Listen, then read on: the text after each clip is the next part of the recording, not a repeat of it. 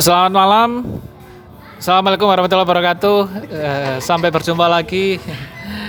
Selamat berjumpa lagi bukan sampai ya pada ipil-ipil edisi Garuh. Mbuh karena yang pegang biasanya bukan saya operatornya sehingga eh, saya kehilangan edisi ini berapa berapa ya. Ya silakan nanti dilihat sendiri ya. Kali ini saya akan ngomong dengan seseorang yang menurut saya menarik, tapi saya juga belum tahu apa yang bikin itu menarik. Eh, insting saya saja yang yang mungkin apa eh, memberikan sinyal bahwa perempuan muda ini menarik. Ya, Di- dicoba dicoba aja. Ini menarik atau tidak? Kalau ternyata nanti di dalam perjalanan tidak menarik, silakan dimatikan saja ya. Daripada eh, menghabiskan waktu-waktu pendengar, lebih baik dimatikan saja begitu. Tapi kalau terasa menarik, boleh silakan diteruskan. Selamat berjuang. Ya, eh, mungkin salah satu yang eh, saya pengen obrolkan adalah eh, posisi mungkin ya perempuan di era zaman sekarang itu eh bagaimana? Jadi terlihat sekali enggak tahu ya eh, pembawaan si perempuan ini itu nyaman you know loh dengan dengan dirinya. Ya. Loh, dia sepertinya tahu posisi saya di sini begini gitu. Setidaknya begitu. Jadi eh, ya enggak apa-apa. Kalau dia tahu. Nah, ya saya tidak tahu kan, saya bisa salah, saya bisa salah, saya bisa salah. Jadi kita tanyakan saja sebetulnya eh, posisi perempuan eh, itu di zaman sekarang itu bagaimana eh, pandangan kepada saudari ini? Eh, boleh menyebutkan nama ya boleh. Oh ya boleh boleh. Oh ya. Oke. eh, jadi saya dijebak oleh Om Sigit untuk mengisi podcast ya. Namaku Elisa, usiaku 25 tahun.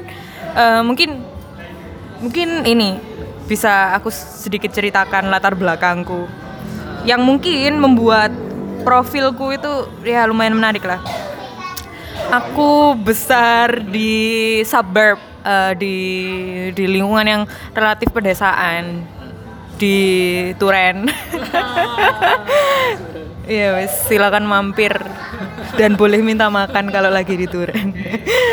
Eh, aku besar di keluarga yang eh yes relatif konservatif lah.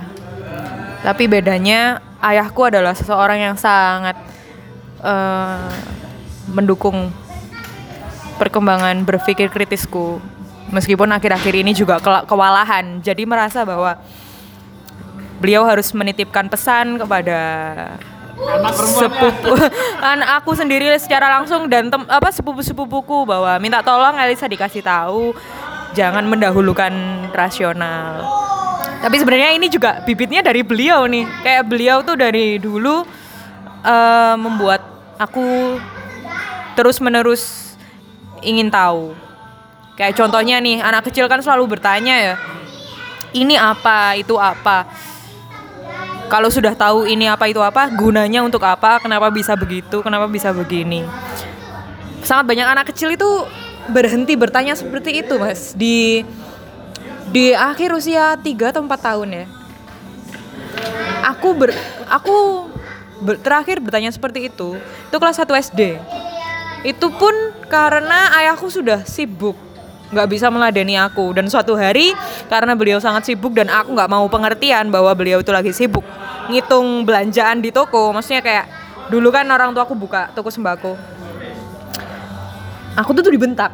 Kayak kamu harus tahu ayah tuh lagi ngapain. Sejak saat itu aku sedikit kapok ya kayak trauma gitu loh. Tanya ke ayah. Akhirnya mulai berhenti. Jadi aku nggak berhenti sampai umur 7 tahun mungkin itu juga yang men-trigger pikiran-pikiran liar sejak kecil kayak mungkin nggak bisa dibandingkan dengan ya ya aku menceritakan diriku sendiri ya aku yakin jauh lebih banyak anak-anak yang gifted yang yang bahkan jauh lebih eh, baik dari aku. Cuman seingatku waktu itu aku kalau ditinggal sendirian atau aku aku akan selalu mencari buku. Em, mulai dari majalah Hidayah yang majalah Umi yang eh, bude-budeku langganan ya. Ingat nggak ada ada majalah Umi kayak Umi Islami banget. Terus sampai majalah Femina, majalah-majalah. Iya dulu orang tua aku kan jualan koran sama tabloid-tabloid bekas kan. Itu aku baca bahkan sampai kolom-kolom kayak konsultasi masalah pernikahan. Itu aku baca. Konsultasi masalah seksualnya pasangan. Itu aku baca kayak aku baca buku biologinya kakak-kakakku. Wis aku kemudian udah karena udah bosen ya kalau main kakak-kakakku udah sekolah persiapan UN. Aku akhirnya baca novel mereka. No- Novelnya kakakku yang udah kuliah. Aku inget baca Da Vinci Code. Itu aku kelas 4 SD. Dan Brown. Dan Brown. Tanpa bahkan tahu kayak aku dulu itu mikir banget gitu loh kayak wah sangat menarik nih sampulnya. Kayak Da Vinci Code. Kodenya Da Vinci. Aku dulu tuh sangat sangat imajinatif, Mas. Aku merasa hidup ini tuh ada rahasianya. Aku ingin dapat rahasia itu. Kayak jiwa adventureku itu aku apa ya? Aku proyeksikan ke hal-hal seperti itu pasti ada suatu rahasia kehidupan. Kalau aku ikut kakak-kakakku berkelana menuruni lembah dekat rumah dekat rumahku tuh ada lembah, ada sawahnya, ada sumbernya. Kayak gitu. Sampai nyebrang sungai yang itu sebenarnya dilarang sama orang tuaku. Terus ada pa- pasti ada rahasia nih kalau aku menamatkan Da Vinci. Mungkin aku akan dapat rahasia kehidupan. Atau mungkin aku akan dapat rahasia kehidupan ketika aku berkemah di belakang rumah Mak Yah. Mak Yah itu janda, dua rumah di samping rumahku. Belakang rumah Mak Yah itu kebon singkong. Suatu hari aku diajak berkemah sama sepupuku di situ. Kami nyolong singkong dan minum degan di situ. Anak SD yang sangat adventurous. Suatu hari kakak sepupuku ngajak aku bakar kucing hidup. dan aku merasa mungkin ada rahasia di balik itu gitu loh. Enggak, tapi ya akhirnya karena ketahuan, iya kakakku agak psycho gitu kan. Tapi karena udah ketahuan sama budeku ini orang tua dia, jadi kita nggak jadi ngebakar kucing hidup nih. Sumpah, kayak aku tuh selalu pas pas kecil itu bertanya-tanya, pasti ada suatu rahasia di kehidupan ini. Eh ibuku biasa-biasa aja, ayahku selalu me, me, me what is it? memenuhi ra- hasrat ingin keingintahuanku. Suatu hari aku pernah bertanya, kenapa burung bagaimana burung dara bisa punya anak? bisa bertelur. Terus saya aku menjelaskan bahwa burung dara jantan akan masuk ke rumahnya, burung jant burung dara betina akan masuk ke rumahnya. Di sana terjadi pembuahan. Aku nggak ngerti pembuahan itu apa. Aku kira pembuahan seperti sama seperti buah, seperti buah. Kemudian ya itulah. Eh, Kemudian aku SMP SMA di pesantren. eh alhamdulillah. Uh di sempat hafalan juga di sana. Sebenarnya itu bukan suatu apa ya, bukan suatu prestasi sih mas. Kayak aku agak agak ada penyesalan juga. Mesti kenapa kemudian enam tahun di pesantren gitu. Setelah lulus ya, kemudian lulus menjadi ateis.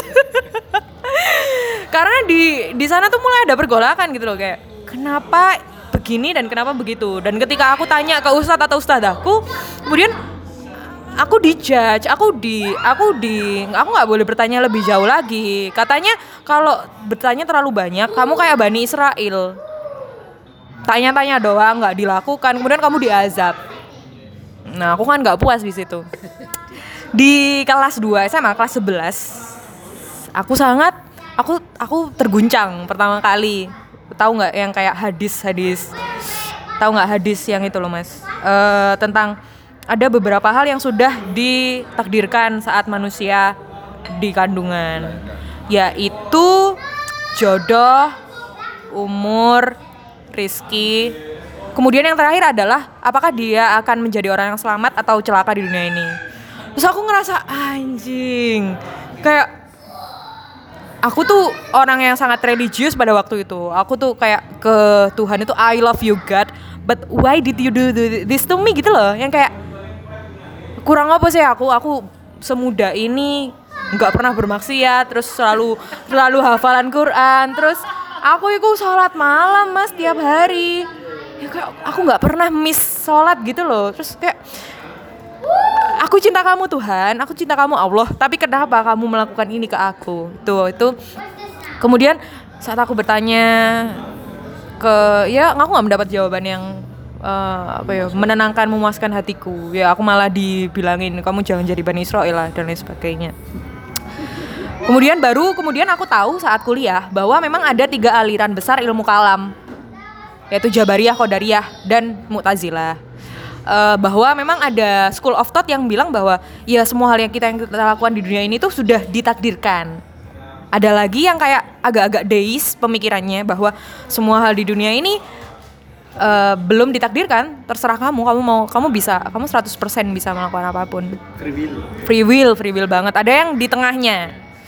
Nah, itu tapi aku sudah kadung, wis terkadung-kadung wis wis wis wis terlanjur punya pikiran bahwa yo semua hal yang di dunia ini sudah ditakdirkan. Bahkan aku berkedip dengan izin Allah. Aku melakukan apa pun. Aku aku melakukan maksiat, aku melakukan eh, kebaikan itu atas izin Allah. Ya, wis itu itu ini. eh mungkin mungkin sebagian background kenapa aku punya pikiran yang sangat liar ya dan terlihat menarik gitu loh. Oh iya ada lagi yang sa- salah satu hal yang sangat menyumbang cara berpikirku. Pada saat kuliah karena aku dipaksa masuk jurusan yang tidak aku inginkan, aku mencari pelarian. Yaitu adalah aku ikut UKM debat bahasa Inggris, debat parlemen, Mas. Debat parlemen. Di situ aku bisa bisa bahasa Inggris sangat menarik gitu loh. Menjadi government menjadi opposition. Dan kita harus meskipun kita ber, kita nggak- ada ide nih eh, untuk suatu topik. Misalnya sebenarnya kita kontra tapi kita harus menjadi sisi yang pro. Di situ di situ sangat menyumbang banyak pemikiran. Aku berkarir di debat itu empat tahun. Dari benar dari awal sampai akhir. Kemudian setelah lulus kuliah aku ikut komunitas filsafat. Meskipun sampai sekarang aku nggak ngerti filsafat. Maksudnya kayak aku blurry banget lah apa itu apa itu apa epistemologi apa itu wes kayak gitu tuh blurry banget buat aku sampai hari ini. Cuman mungkin ya itu juga menyumbang cara berpikir yang lebih runtut, yang lebih koheren. Nah kemudian ya wes itu itu background lah. Kalau soal eh, peran perempuan di era sekarang ya, sebenarnya aku juga nggak terlalu kompeten untuk me- membahas masalah ini. Cuman aku bisa lah memberikan beberapa pandangan buat temen-temen. Eh, gimana sih emang perempuan di era se- sekarang ini? Ini menarik ya, soalnya kayak eh, di mungkin le- let's say di akhir abad ke what is it 20 dan di awal abad ke 21 kita ada transisi yang sangat transformatif yang sangat besar gitu loh. Yang kemudian merubah posisi perempuan. Yang dulu jauh lebih patriarkis sekarang lebih egaliter. Yang dulu sebenarnya cuma urusan dapur sumur kasur. Sekarang perempuan perlahan-lahan dilihat sebagai partner yang setara bukan lagi second gender tapi meskipun masih ada ya sisa-sisanya. Tapi ini juga menarik mas. Aduh aku aku bingung mulainya dari mana nih. Mungkin oke. Oke. Dulu mungkin waktu patriarki ini ya perempuan itu adalah penguasa eh, sektor domestik. Dulu bahkan kalau laki-laki ada di rumah dia udah nggak punya daya dan kekuatan. Hmm, perempuan adalah orang yang eh, take in charge di dalam rumah itu. Kursi bahkan nggak boleh dipindah. Meskipun itu suaminya yang pindah dia akan marah-marah. Urusan hari itu makan apa itu urusan istri urusan perempuan. Dan performa dia di urusan domestik itu sangat menentukan keberhasilan dia. Kalau dia salah sedikit, misal nih kayak di rumah mengadakan cukuran gitu ya, ada cacat sedikit gitu ya, misal nih apa nggak mateng, kurang mateng dikit, masih ada daging masih ada darahnya itu, wis pasti dicacat ke mana-mana kan, maksudnya di dihujat ke mana-mana. Dia harus sangat excellent dalam domestic, uh, what is it, domestic things, domestic issues, apa sih domestic yes gitulah, hal-hal domestik urusan-urusan domestik. Ini mulai menarik ketika kita bergeser ke perempuan yang egaliter. Dunia di mana perempuan egaliter. Uh, transisi ini uh, ternyata juga menimbulkan banyak banyak efek samping yang kurang diinginkan ya. Mungkin bagi aku sendiri secara subjektif sebagai perempuan. Misal perempuan juga harus setara dengan laki-laki, tapi dia masih dibebani oleh urusan-urusan domestik. Kayak dia tetap harus bisa masak dan urus keluarga, meskipun dia di luar di luar itu juga bekerja. Tapi juga ada loh hal-hal yang sangat menarik dan menguntungkan perempuan saat transisi ini terjadi dari perempuan yang dikungkung dalam dunia patriarkis ke egaliter. Misalnya, wah ini yang satu hal yang paling aku suka dan aku tidak akan lupa. Dulu saat perempuan masih uh, di dunia patriarki, urusan finansial perempuan adalah masalah laki-laki. Soal soal uh, masalah finansial perempuan adalah masalah laki-laki yang harus diselesaikan oleh laki-laki. Misal nih ya, misal nih ya, aku hidup di di tahun 90-an, 80-an. Aku ada arisan nih, aku gak bisa bayar. Suamiku yang harus bayar. Dan itu dianggap sangat lazim. Bahkan ketika suami tidak menyelesaikan masalah finansial istri, suaminya yang dilihat sebagai orang yang gagal. Dan sepertinya itu masih ada sampai hari ini yang mana aku sangat bersyukur. itu sangat menyenangkan ketika kita bisa make money, kita bisa kerja dan menghasilkan uang, tapi masalah finansial kita masih diurus oleh laki-laki. aku masih aku punya penghasilan tapi tapi uh, pacarku masih ngasih uang jajan. Terus uang kencan masih 80% lah dia yang bayar itu sangat menyenangkan. Cuman karena karena ini adalah transisi ya. Aku juga sering melihat uh, mungkin perempuan-perempuan di di sekitarku. Kemudian suaminya tuh kurang beruntung ya, Mas, dalam hal karir. Dia akhirnya menjadi seseorang yang tidak memenuhi kebutuhan finansial keluarga yang akhirnya perempuan yang mendominasi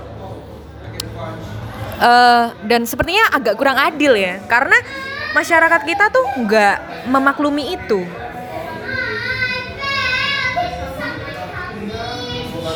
Jadi dilihat dilihatnya eh, pasangan itu sebagai pasangan yang gagal. Dua-duanya bahkan si istri pun dilihat sebagai orang yang gagal. Suami dilihat sebagai orang yang gagal karena tidak memenuhi kewajiban finansial. Kemudian si istri dilihat sebagai perempuan yang istri yang kurang baik karena dia punya posisi yang jauh lebih tinggi daripada suaminya. Kayak gitu sih. Ada tanggapan?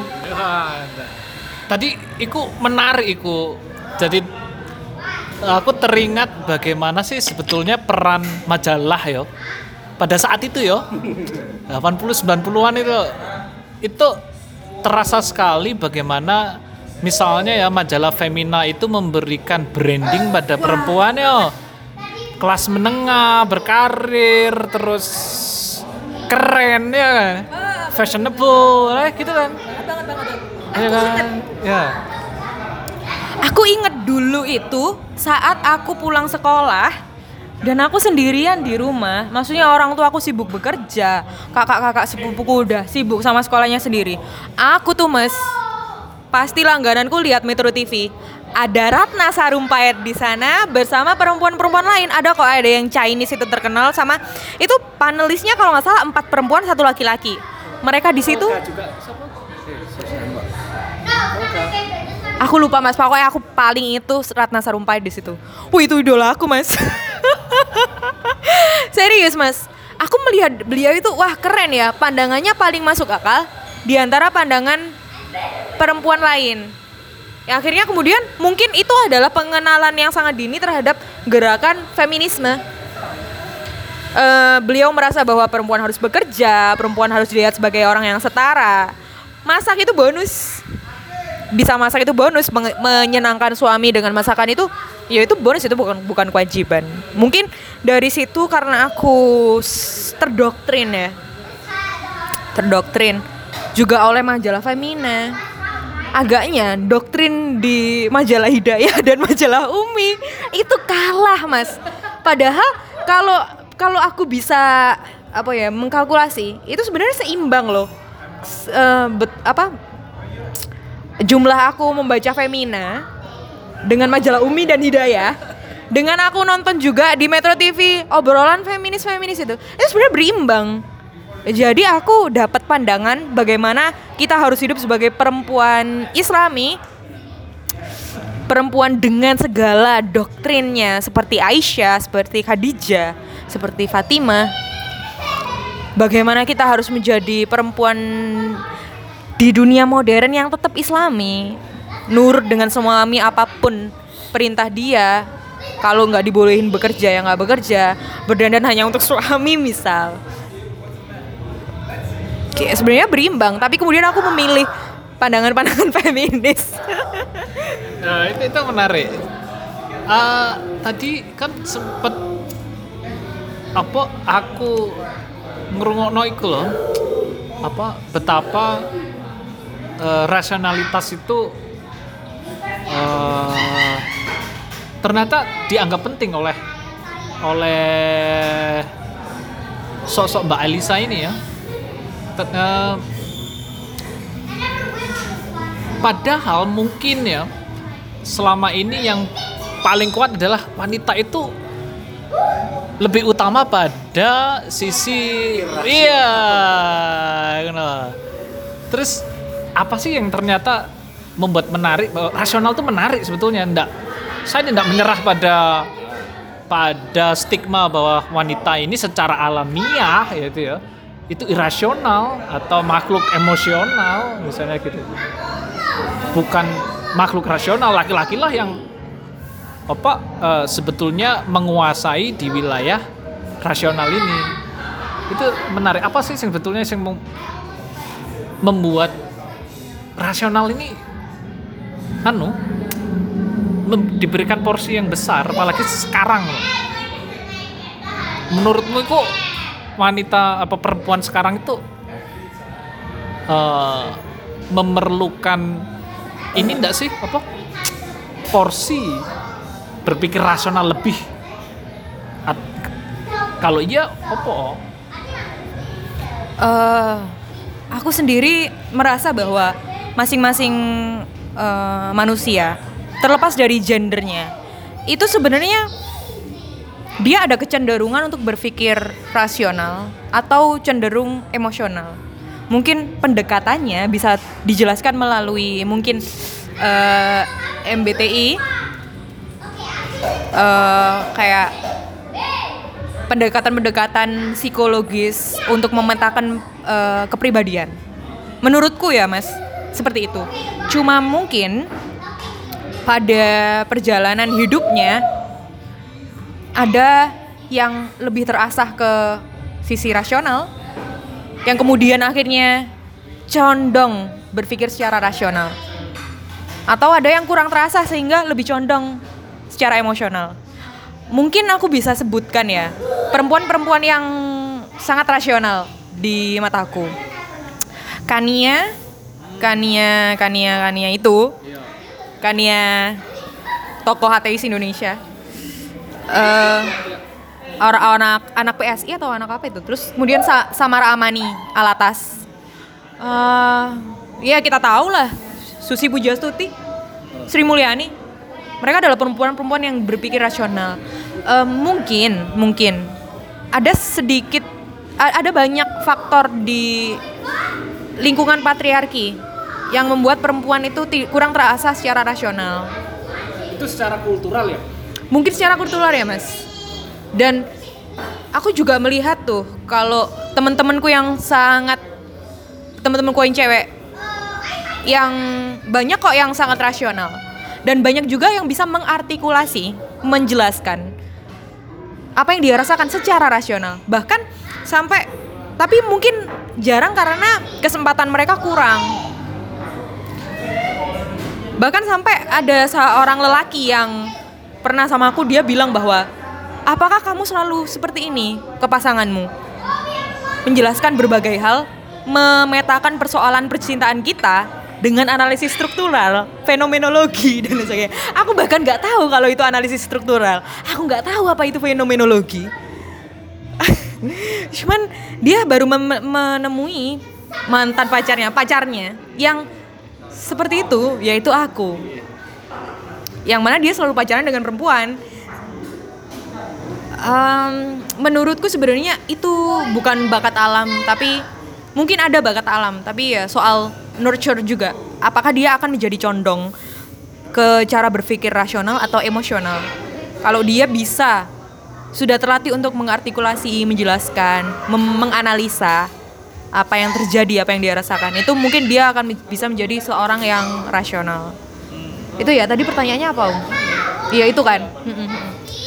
Eh eh, dan akhirnya kami perempuan-perempuan rasional yang bisa menjelaskan, yang bisa menganalisis apa yang kami alami, apa yang kami rasakan itu dianggap sebagai makhluk yang aneh oleh laki-laki. Padahal sebenarnya laki-laki sudah sering menemui laki-laki yang tidak rasional juga, yang tidak bisa mengartikulasi perasaan dia, apa yang terjadi ke dia. Laki-laki yang irasional mungkin, yang cara eh, apa eh, kapasitas berpikirnya nggak setinggi itu. Cuman cuman agaknya perempuan-perempuan yang punya kapasitas seperti itu itu akhirnya dianggap sebagai alien dan mungkin ditakuti karena pada kasusku sendiri ya salah satu yang bikin Om Sigit merasa aku profilku sangat menarik adalah ketika aku bertemu dengan calon suami yang takut sama kapasitasku Oh, it- it- itu kan juga menarik ya risiko-risiko seperti itu ya. Ya kan itu sangat menarik. Eh, posisi-posisi seperti itu atau keadaan seperti itu mau tidak mau akan memberikan stigma bahwa kamu akan susah loh menemukan pasangan ya. Ya kan? Salah kultural. Iya, iya kan secara kultural. iya. Kalau aku sih gampang aja. Ya mungkin bukan bukan susah kesalahannya pada bu- bukan susah mencari tapi susah tempat tinggal saja. Cari aja pindah tempat tinggal. Eh, Sudah pasti akan punya pasaran yang berbeda ya. Mungkin ya, mungkin kayaknya. Tapi itu combo yang menarik itu. Eh, rasional eh, apa independen apalagi ditutup dengan apa ateis misalnya wah itu combo yang triple combo yang Eh. dialami triple combo yang sangat dialami laki-laki pernah nggak sih punya ketakutan bahwa aduh aku harus eh, melakukan jurus kamuflase apa aku harus mencari topeng atau atau berpura-pura eh, dengan metode seperti apa agar setidaknya pasaranku ini masih terbuka menarik ya. Aku sebenarnya besar dengan didoktrin oleh ayahku. Aku dulu jelek banget. Bayangin aja hitam rambutnya keriting sangat kurus sumpah kayak anak-anak kecil yang kelaparan di Nigeria jadi ayahku itu sebenarnya sudah apa ya sudah ngesense bahwa ibuku ibuku cantik Nah, aku nggak jelek gitu loh. Dan mantan mantannya ayahku tuh juga cantik cantik. Dia nggak mau pacaran sama orang jelek. Cuma pada saat aku kecil dan aku sudah sering dibully, aku jelek. Dibully oleh banyak orang kalau aku jelek, rambutku keriting dan lain sebagainya. kemudian aku sudah terlihat pas masih muda, masih masih kecil itu eh, nyobain kosmetik ibuku kayak bedak, lipstick dan lain sebagainya itu biar biar ada usahanya lah. Maksudnya it's okay kalau jelek asalkan usaha gitu loh. Ayahku akhirnya merasa wah ini akan wah ini nih anakku sedang tidak baik-baik saja. Dia melihat bahwa dirinya jelek. Akhirnya beliau mendoktrinkan bahwa jangan pakai kosmetik. Kosmetik itu sangat buruk buat kamu. Mukamu nanti dito- dicontohin tuh kayak tetanggaku mas yang banyak perempuan tua yang banyak fleknya hitam. Eh mukamu nanti jadi kayak orang itu. Lima tahun lagi kamu masuk SMP kayak orang itu. Kamu nggak mau kan? Oke, nggak mau.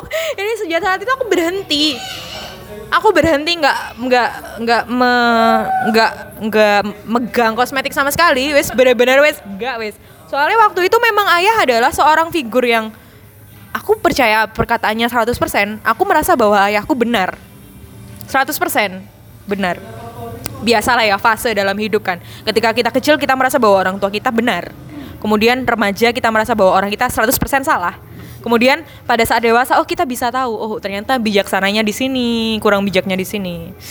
Nah waktu itu ya itu. Kemudian pada saat itu aku akhirnya mendevelop pemikiran bahwa eh, appearance eh, eh, penampakan fisik itu sangat tidak penting. Yang penting itu hati. Dan pinter kepintaran kamu itu berlangsung sampai aku SMA awal aku inget betapa aku jeleknya dan aku nggak nggak ada tuh cowok yang suka aku. Nggak ada saking aku jeleknya dan dan aku nggak bother to dress up. Aku bahkan nggak nggak nggak mikirin betapa aku harus dress up di occasion occasion tertentu. Yo wes aku tuh bisa pakai kaos apa pakai rok karena di dulu di pesantrennya pakai rok apa. Kayak nggak nyambung banget anjing. Kayak gitu. Saking aku merasa bahwa nggak penting yang penting tuh apa yang ada di hati kamu dan apa yang ada di pikiran kamu. Apakah aku aku takut nggak diingini oleh lelaki? Ya. aku merasa nggak aku nggak pernah merasa takut nggak diingini oleh lelaki. Mungkin karena awalnya aku dulu juga nggak pernah diingini oleh lelaki. Jadi aku ngerasa oh that is what's normal in my life. Nggak dideketin cowok nggak ada cowok yang suka aku. That that's normal itulah yang disebut normal dalam hidupku. Ini menarik. Tadi sore aku ketemu dengan seorang teman dan kita mendiskusikan betapa perempuan-perempuan kayak aku dan dia itu sangat ditakuti oleh lelaki. Dan aku juga kalau bisa recall eh, mantan pacar pertama aku itu juga sebenarnya minder sama aku. Eh, dia ngerasa aku punya beberapa prestasi sedangkan dia loser. Kayak gitu. Bahkan bahkan eh, ada nih cowok yang dia tuh punya banyak prestasi punya banyak achievement juga tapi juga masih takut kalau suatu hari menikah dengan aku dan aku nggak Familiar ini. familiar Kayaknya familiar. Ya, diskusi itu di, ru- di luar ranah saya ya. Sepertinya ya. Ya. mungkin Mas Suto akan bisa menjelaskan. Karena aku sampai detik ini aku nggak mengerti di mana menakutkannya perempuan-perempuan seperti aku. Maksudnya mungkin itu tadi aku dianggap sebagai alien. Mungkin mereka takut karena perempuan seperti aku bukan jenis perempuan yang familiar. Bentuk perempuan yang asing. Mereka merasa perempuan yang seharusnya tidak seperti itu. Maksudnya dalam dalam subconscious ya, dalam alam bawah sadar, dia merasa bentuk perempuan tuh nggak seperti ini. Ini nih benda asing nih, perempuan yang asing, perempuan yang alien.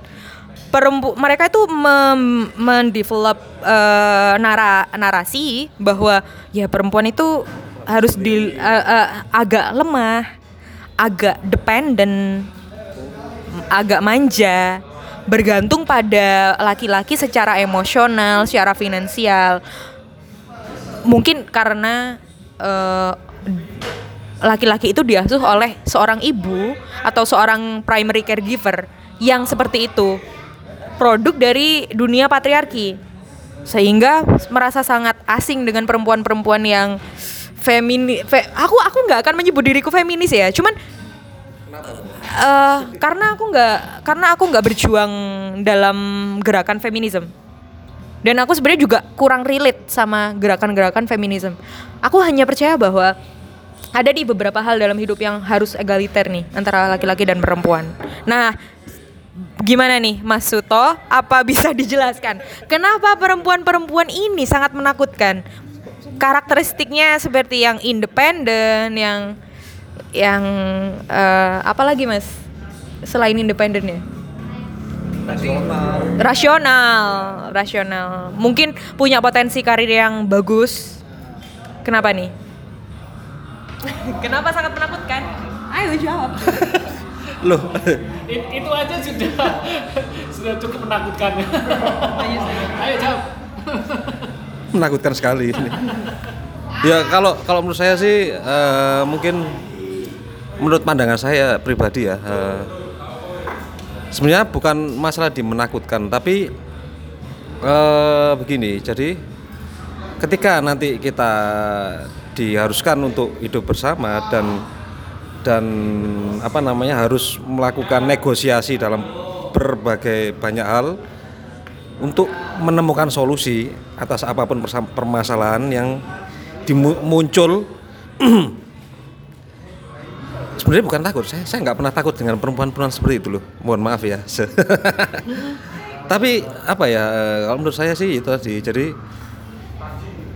potensi untuk eh, bagi saya nggak menentukan asal itu apa ya bisa menemukan sinergi.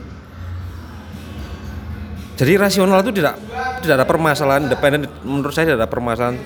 Cuman ketika harus bersinergi dan eh, menemukan satu titik temu. Ini yang kadang harus melewati banyak hal menurut saya. Ya itu sih. Jadi jadi paling tidak kita harus eh, apa ya mengimbangi lah ya. Andaikan misal nanti saya menemukan perempuan seperti itu ya saya harus eh, apa paling tidak berdiri di sampingnya dalam hal banyak hal. Entah pengetahuan rasionalitas macam-macam lah ya. Untuk menemukan sinergi itu tadi. Oke. That's it. That's it. Terima kasih. Oh, aku lagi ya boleh aku lagi? Ya silakan. Iya. Mengenai gerakan-gerakan tadi. itu kan menarik. Itu sebetulnya asik ya. Eh, bagaimana gerakan ya mungkin karena umurnya masih muda eh, ada hal yang menurut saya ya secara pribadi bahwa gerakan feminisme itu bisa meluas pada laki-laki sebetulnya. Jadi mungkin gerakan itu eh, sementara ini atau mungkin di mendatangnya itu bisa membebaskan laki-laki juga. Jadi secara kultural mungkin dalam upbringingnya laki-laki gitu deh, dia mungkin eh, hanya punya satu frame melihat bahwa em, dia sebagai breadwinner misalnya gitu. Jadi dia tidak punya mekanisme untuk kalau saya mengerjakan pekerjaan domestik itu bagaimana ya rasanya ya? Itu tidak punya. Karena di dalam di dalam cara dia mendidik ya, di dalam kultur dia dididik itu menangis saja tidak boleh, ya kan? Benar-benar Eh, eh. benar banget itu sangat tidak manusiawi Ya maksud saya. eh, dan itu terjadi Iya, itu sebetulnya sepanjang perjalanan hidup manusia sepanjang Iya, iya. peradaban manusia itu terjadi Iya kan begitu ya. Menurut saya em, yang harus dipersiapkan, yang harus mungkin dikejar dalam dalam posisi sekarang itu eh, untuk mencapai sebuah ya, egaliter yang ideal ya laki-laki lah yang harus lebih banyak eh, bergerak dalam wilayah feminisme ini. Tidak tidak mungkin apa khusus pada lingkaran-lingkaran perempuan saja. Tapi laki-laki ini oh, spesies yang harus segera belajar mengejar ini. Ya kan? Ya, karena eh, sebetulnya eh, mereka mereka juga toh yang nantinya akan eh, bersinergi ya.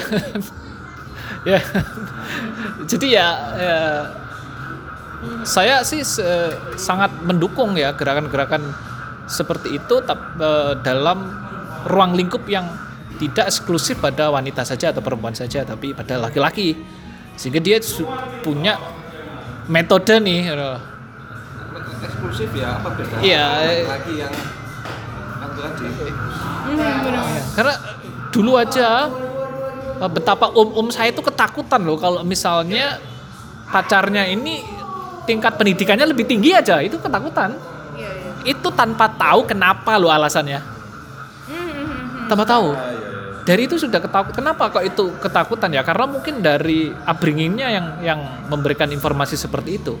Tanpa pernah Kamu tahu, dia Mas, eh, pembedahan secara apa ya subconsciousnya. Ya Eh, mungkin untuk menanggapi Mas Suto dan Om Sigit ya eh, mungkin kenapa laki-laki itu sangat ketakutan dengan eh, perempuan-perempuan yang tidak familiar ini?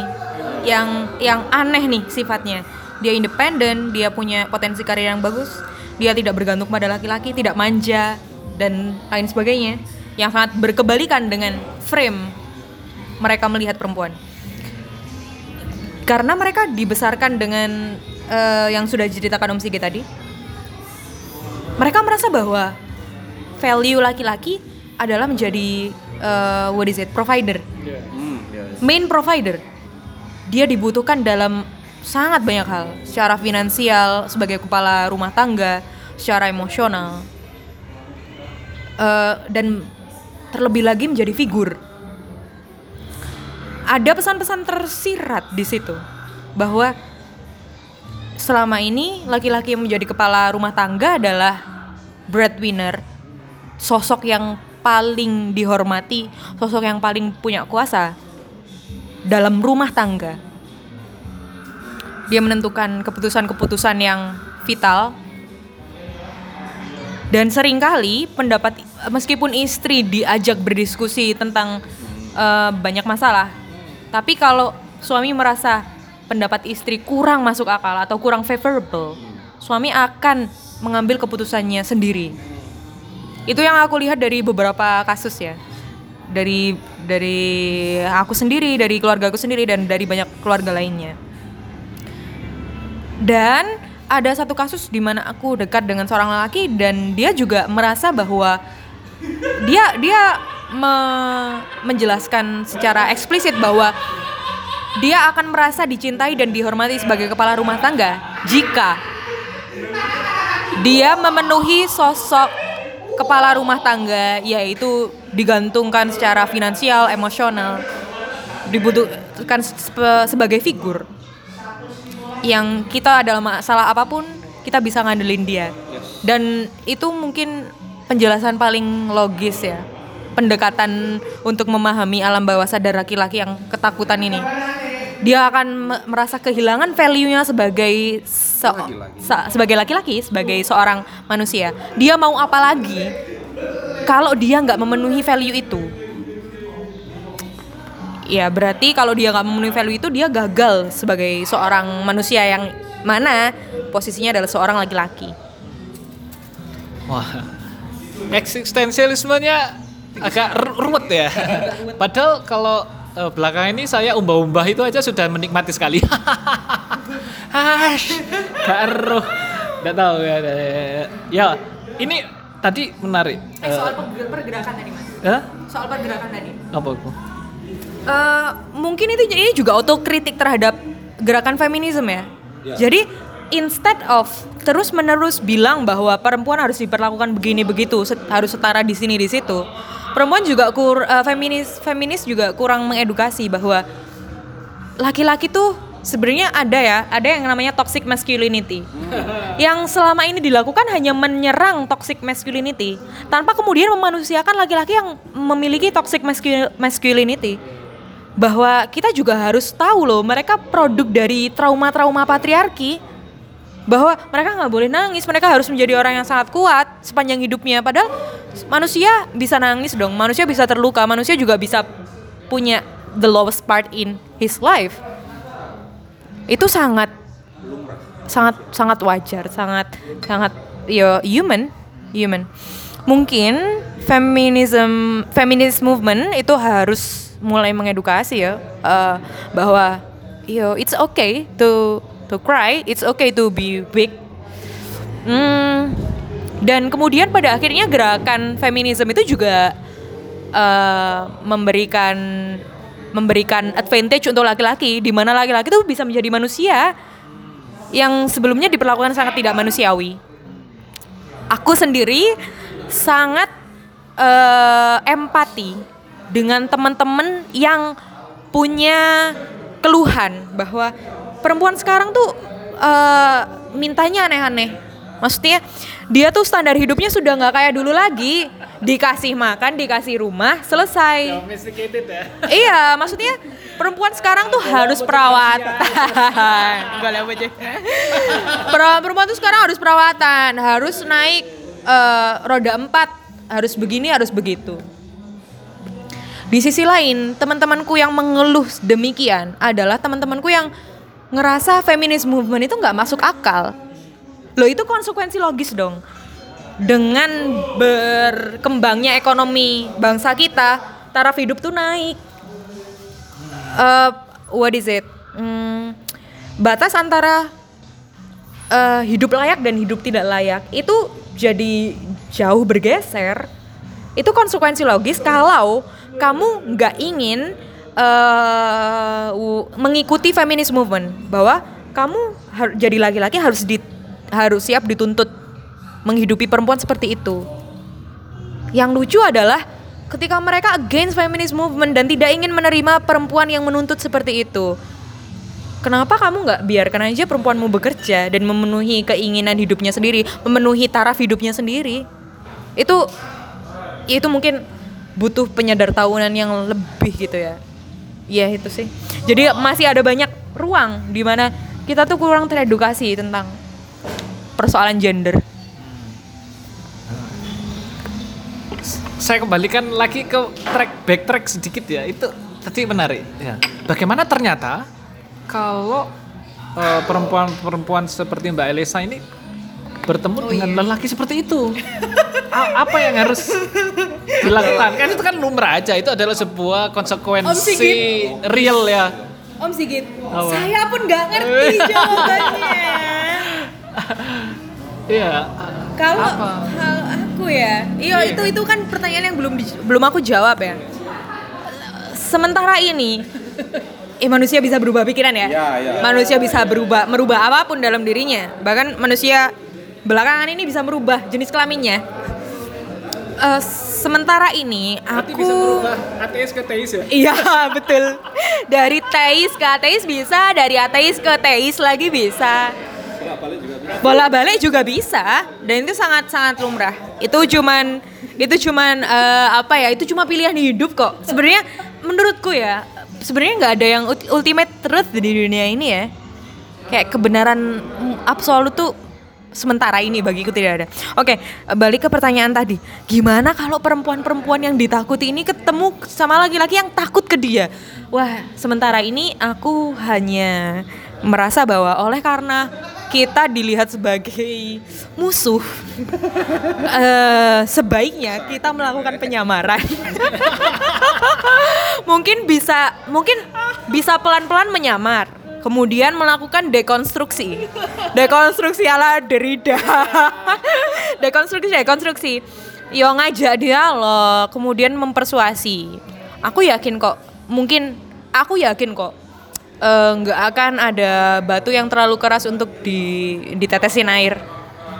Yaitu konsekuensi logis dari transisi transisi apa ya era patriarki ke era egaliter itu konsekuensi logis bahwa perempuan-perempuan harus mengkompromikan posisinya.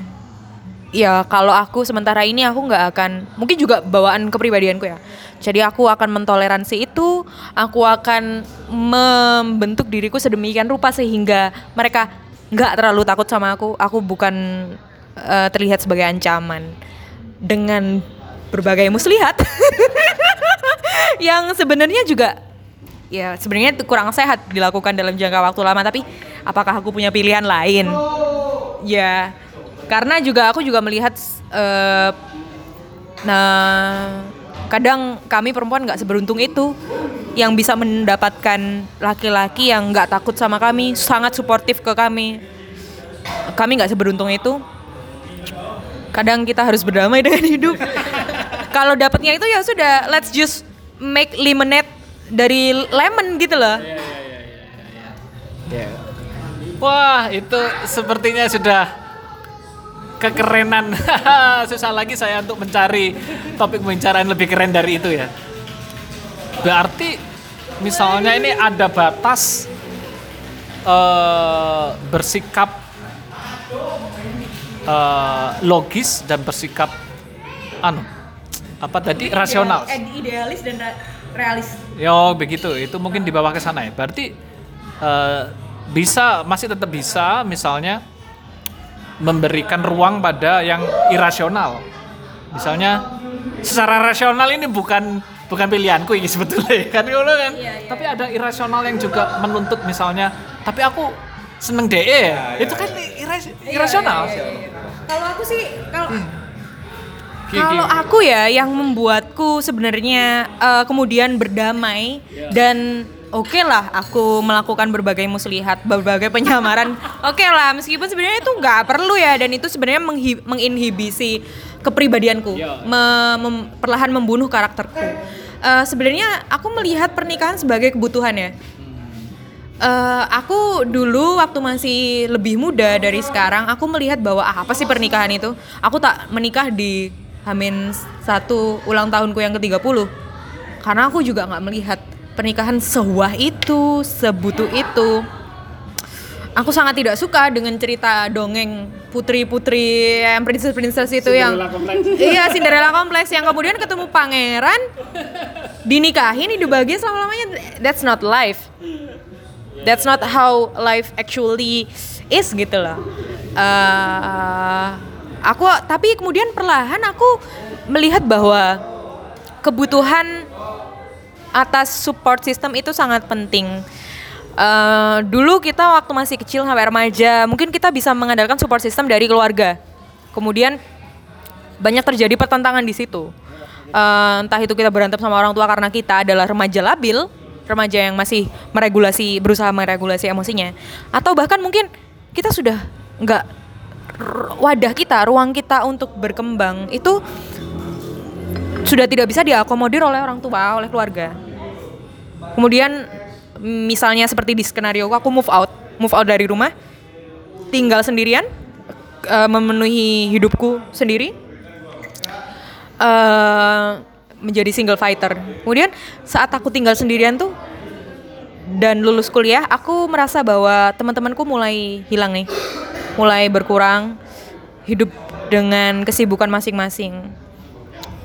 Aku sadar bahwa ternyata sebagai manusia ada kebutuhan-kebutuhan psikis, kebutuhan emosional yang sudah tidak bisa ditemui, dipenuhi oleh keluarga, keluarga inti, dan juga sudah kurang bisa diakomodir oleh teman-teman atau sahabat-sahabat. Nah, di situlah waktunya mencari teman hidup. Nah, akhirnya pernikahan itu sebenarnya kebutuhan.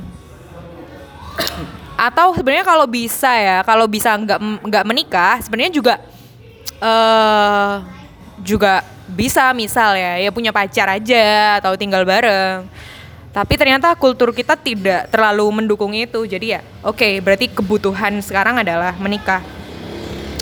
Eh yaitu ketika kita kepepet oleh kebutuhan ya, kemudian kita akhirnya mentoleransi banyak hal demi kebutuhan itu terpenuhi. Oke, berarti eh, jembatan yang menghubungkan tadi adalah bersikap realistis ya. Itu juga membutuhkan porsi yang yang perlu diperhatikan ya bersikap realistis.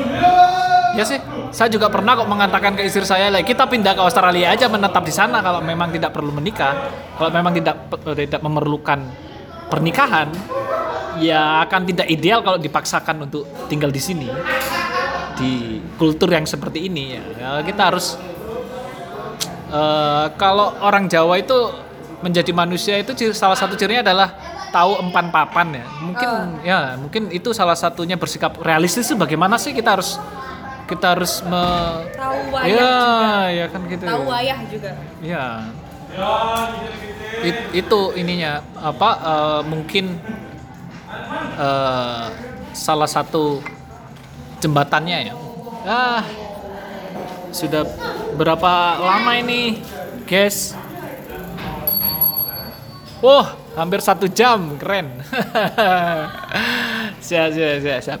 Ada lagi yang mungkin bisa ditambahkan untuk khususnya untuk eh, apa teman-teman apalagi apa perempuan-perempuan muda yang mungkin mungkin masih masih memerlukan dukungan apa ya oh, ternyata saya ada temannya nih gitu.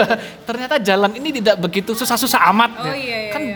Saya yakin sekali eh, dalam kultur kita yang seperti ini itu stigma itu bisa sangat keras untuk Hmm. diterima mereka itu loh Sangat keras. Sangat keras ya. Eh, saya bahkan dengan beberapa teman itu kami bahkan sempat ngerasa hopeless, hopeless, helpless, karena menemui banyak laki-laki yang sangat ketakutan dengan perempuan-perempuan kayak kami dan dan akhirnya merasa wah ini real nih. Ternyata isu-isu yang dibawa oleh gerakan feminisme itu ternyata ada dan kita hadepin di tempat kerja di keluarga dengan pasangan. Hal-hal yang sebenarnya kayak kita nggak pernah aware sebelumnya itu ternyata beneran ada. Menurutku pesan untuk teman-teman perempuan yang mendengarkan kalian nggak sendirian. Ya ya mungkin eh, langkah pertama cari temen yang juga merasa perempuan-perempuan yang juga merasa hmm, mendapatkan situasi yang sulit dengan situasi yang seperti ini. Eh, cari support system. Pada akhirnya kalau teman-teman sudah ngerasa hopeless helpless yang harus dicari adalah support system. Eh, kemudian mungkin bisa bareng mendengarkan podcast ini. Karena menurutku juga eh, apa ya analisis terhadap situasi analisis terhadap kondisi yang kita alami sekarang itu sangat penting. Di mana sih letak masalahnya? Di mana sih sebenarnya kita bisa eh, berkompromi atau kita bisa bertipu muslihat agar lingkungan kita tuh favorable gitu loh untuk kita. Soalnya ya gimana lagi eh, kamu kak kalau kamu mau melawan ini ini mungkin mungkin ya mungkin mungkin akan mungkin teman-teman feminis yang garis keras akan benci aku mengatakan hal ini. Tapi dunia kita itu sangat eh, besar kalau kita hadapi sendirian pada beberapa poin kita harus kompromi, harus toleransi, harus bertipu muslihat, berpolitik untuk menghadapi itu. Dan mungkin jauh dari dari tataran ideal. Tapi sangat dekat dengan tataran re- real, tataran tataran ya ini realitanya hari ini. Eh, mungkin untuk menghibur teman-teman yang sangat sedih ya. It's okay, cari aja advantage-nya dari situasi yang kita hadapin. Enak toh, dapat uang saku dari pacar, dari suami meskipun kita tetap menghasilkan uang gitu loh. Kayak uang suami adalah uang istri, uang istri tetap milik istri. Itu kan sesuatu yang sangat menghibur ya. Atau mungkin teman-teman juga bisa apa ya? Hiburan lah, misal nih eh, nggak nggak nggak jelek-jelek amat kok situasi kita. Kita sudah bisa ngopi nih bareng sama cowok-cowok lain, temen-temen atau sejawat yang sebenarnya beda gender dan aku melihat bahwa kecemburuan pasangan itu sudah sangat berkurang. Sudah sangat lazim perempuan keluar eh, meskipun sudah punya suami ya, Mas. Keluar hangout dengan teman-temannya. Itu sangat lazim. Dulu kan wah dulu berarti berarti kamu akan pulang-pulang akan dihukum. Kayak dianggap perempuan nggak bener lah apalah. Kayak gitu. Kita di, kita diberi ruang gerak gerak bersosialisasi sangat besar. Dan eh mungkin kalau berkarir ya berkarir ya gimana mungkin teman-teman eh akan akan menemui situasi-situasi yang kurang ideal di mana ya in- karirnya diinhibisi oleh suami. Ya, mau gimana lagi ya? Mungkin kalau tidak cocok ya cerai saja. Suatu hubungan itu nggak nggak ada kok yang terlalu dini atau terlalu apa ya, terlalu larut untuk diakhiri. It's okay. Eh, kita bisa membuat kehidupan baru yang jauh lebih baik dan dan sekarang eh, it's, it's okay untuk bercerai. Kayak hukumannya nggak sekeras dahulu meskipun ada stigma-stigma yang melekat pada janda. Janda nggak ngapa-ngapain aja udah di dua udah dihina, udah disalah-salahin ya kan. Tapi nggak seberat dulu lah. Ya itu aja. Em, jangan sedih, pikirin aja advantage-nya. pikirin tuh keruk duit pacar atau duit suami, ya kan? Bersosialisasilah, eh, kejarlah karir tapi jangan sampai kalau naik pangkat suamimu tahu. itu aja. Oke, sip. Terima kasih. Ah, saya tidak bisa menutup apa-apa ya, wis. Tutup tutuplah dengan eh, kesimpulan sendiri-sendiri ya. Oke, sampai berjumpa pada ipil-ipil cover berikutnya yang tidak tahu kapan terjadi. Selamat malam. Assalamualaikum warahmatullahi wabarakatuh.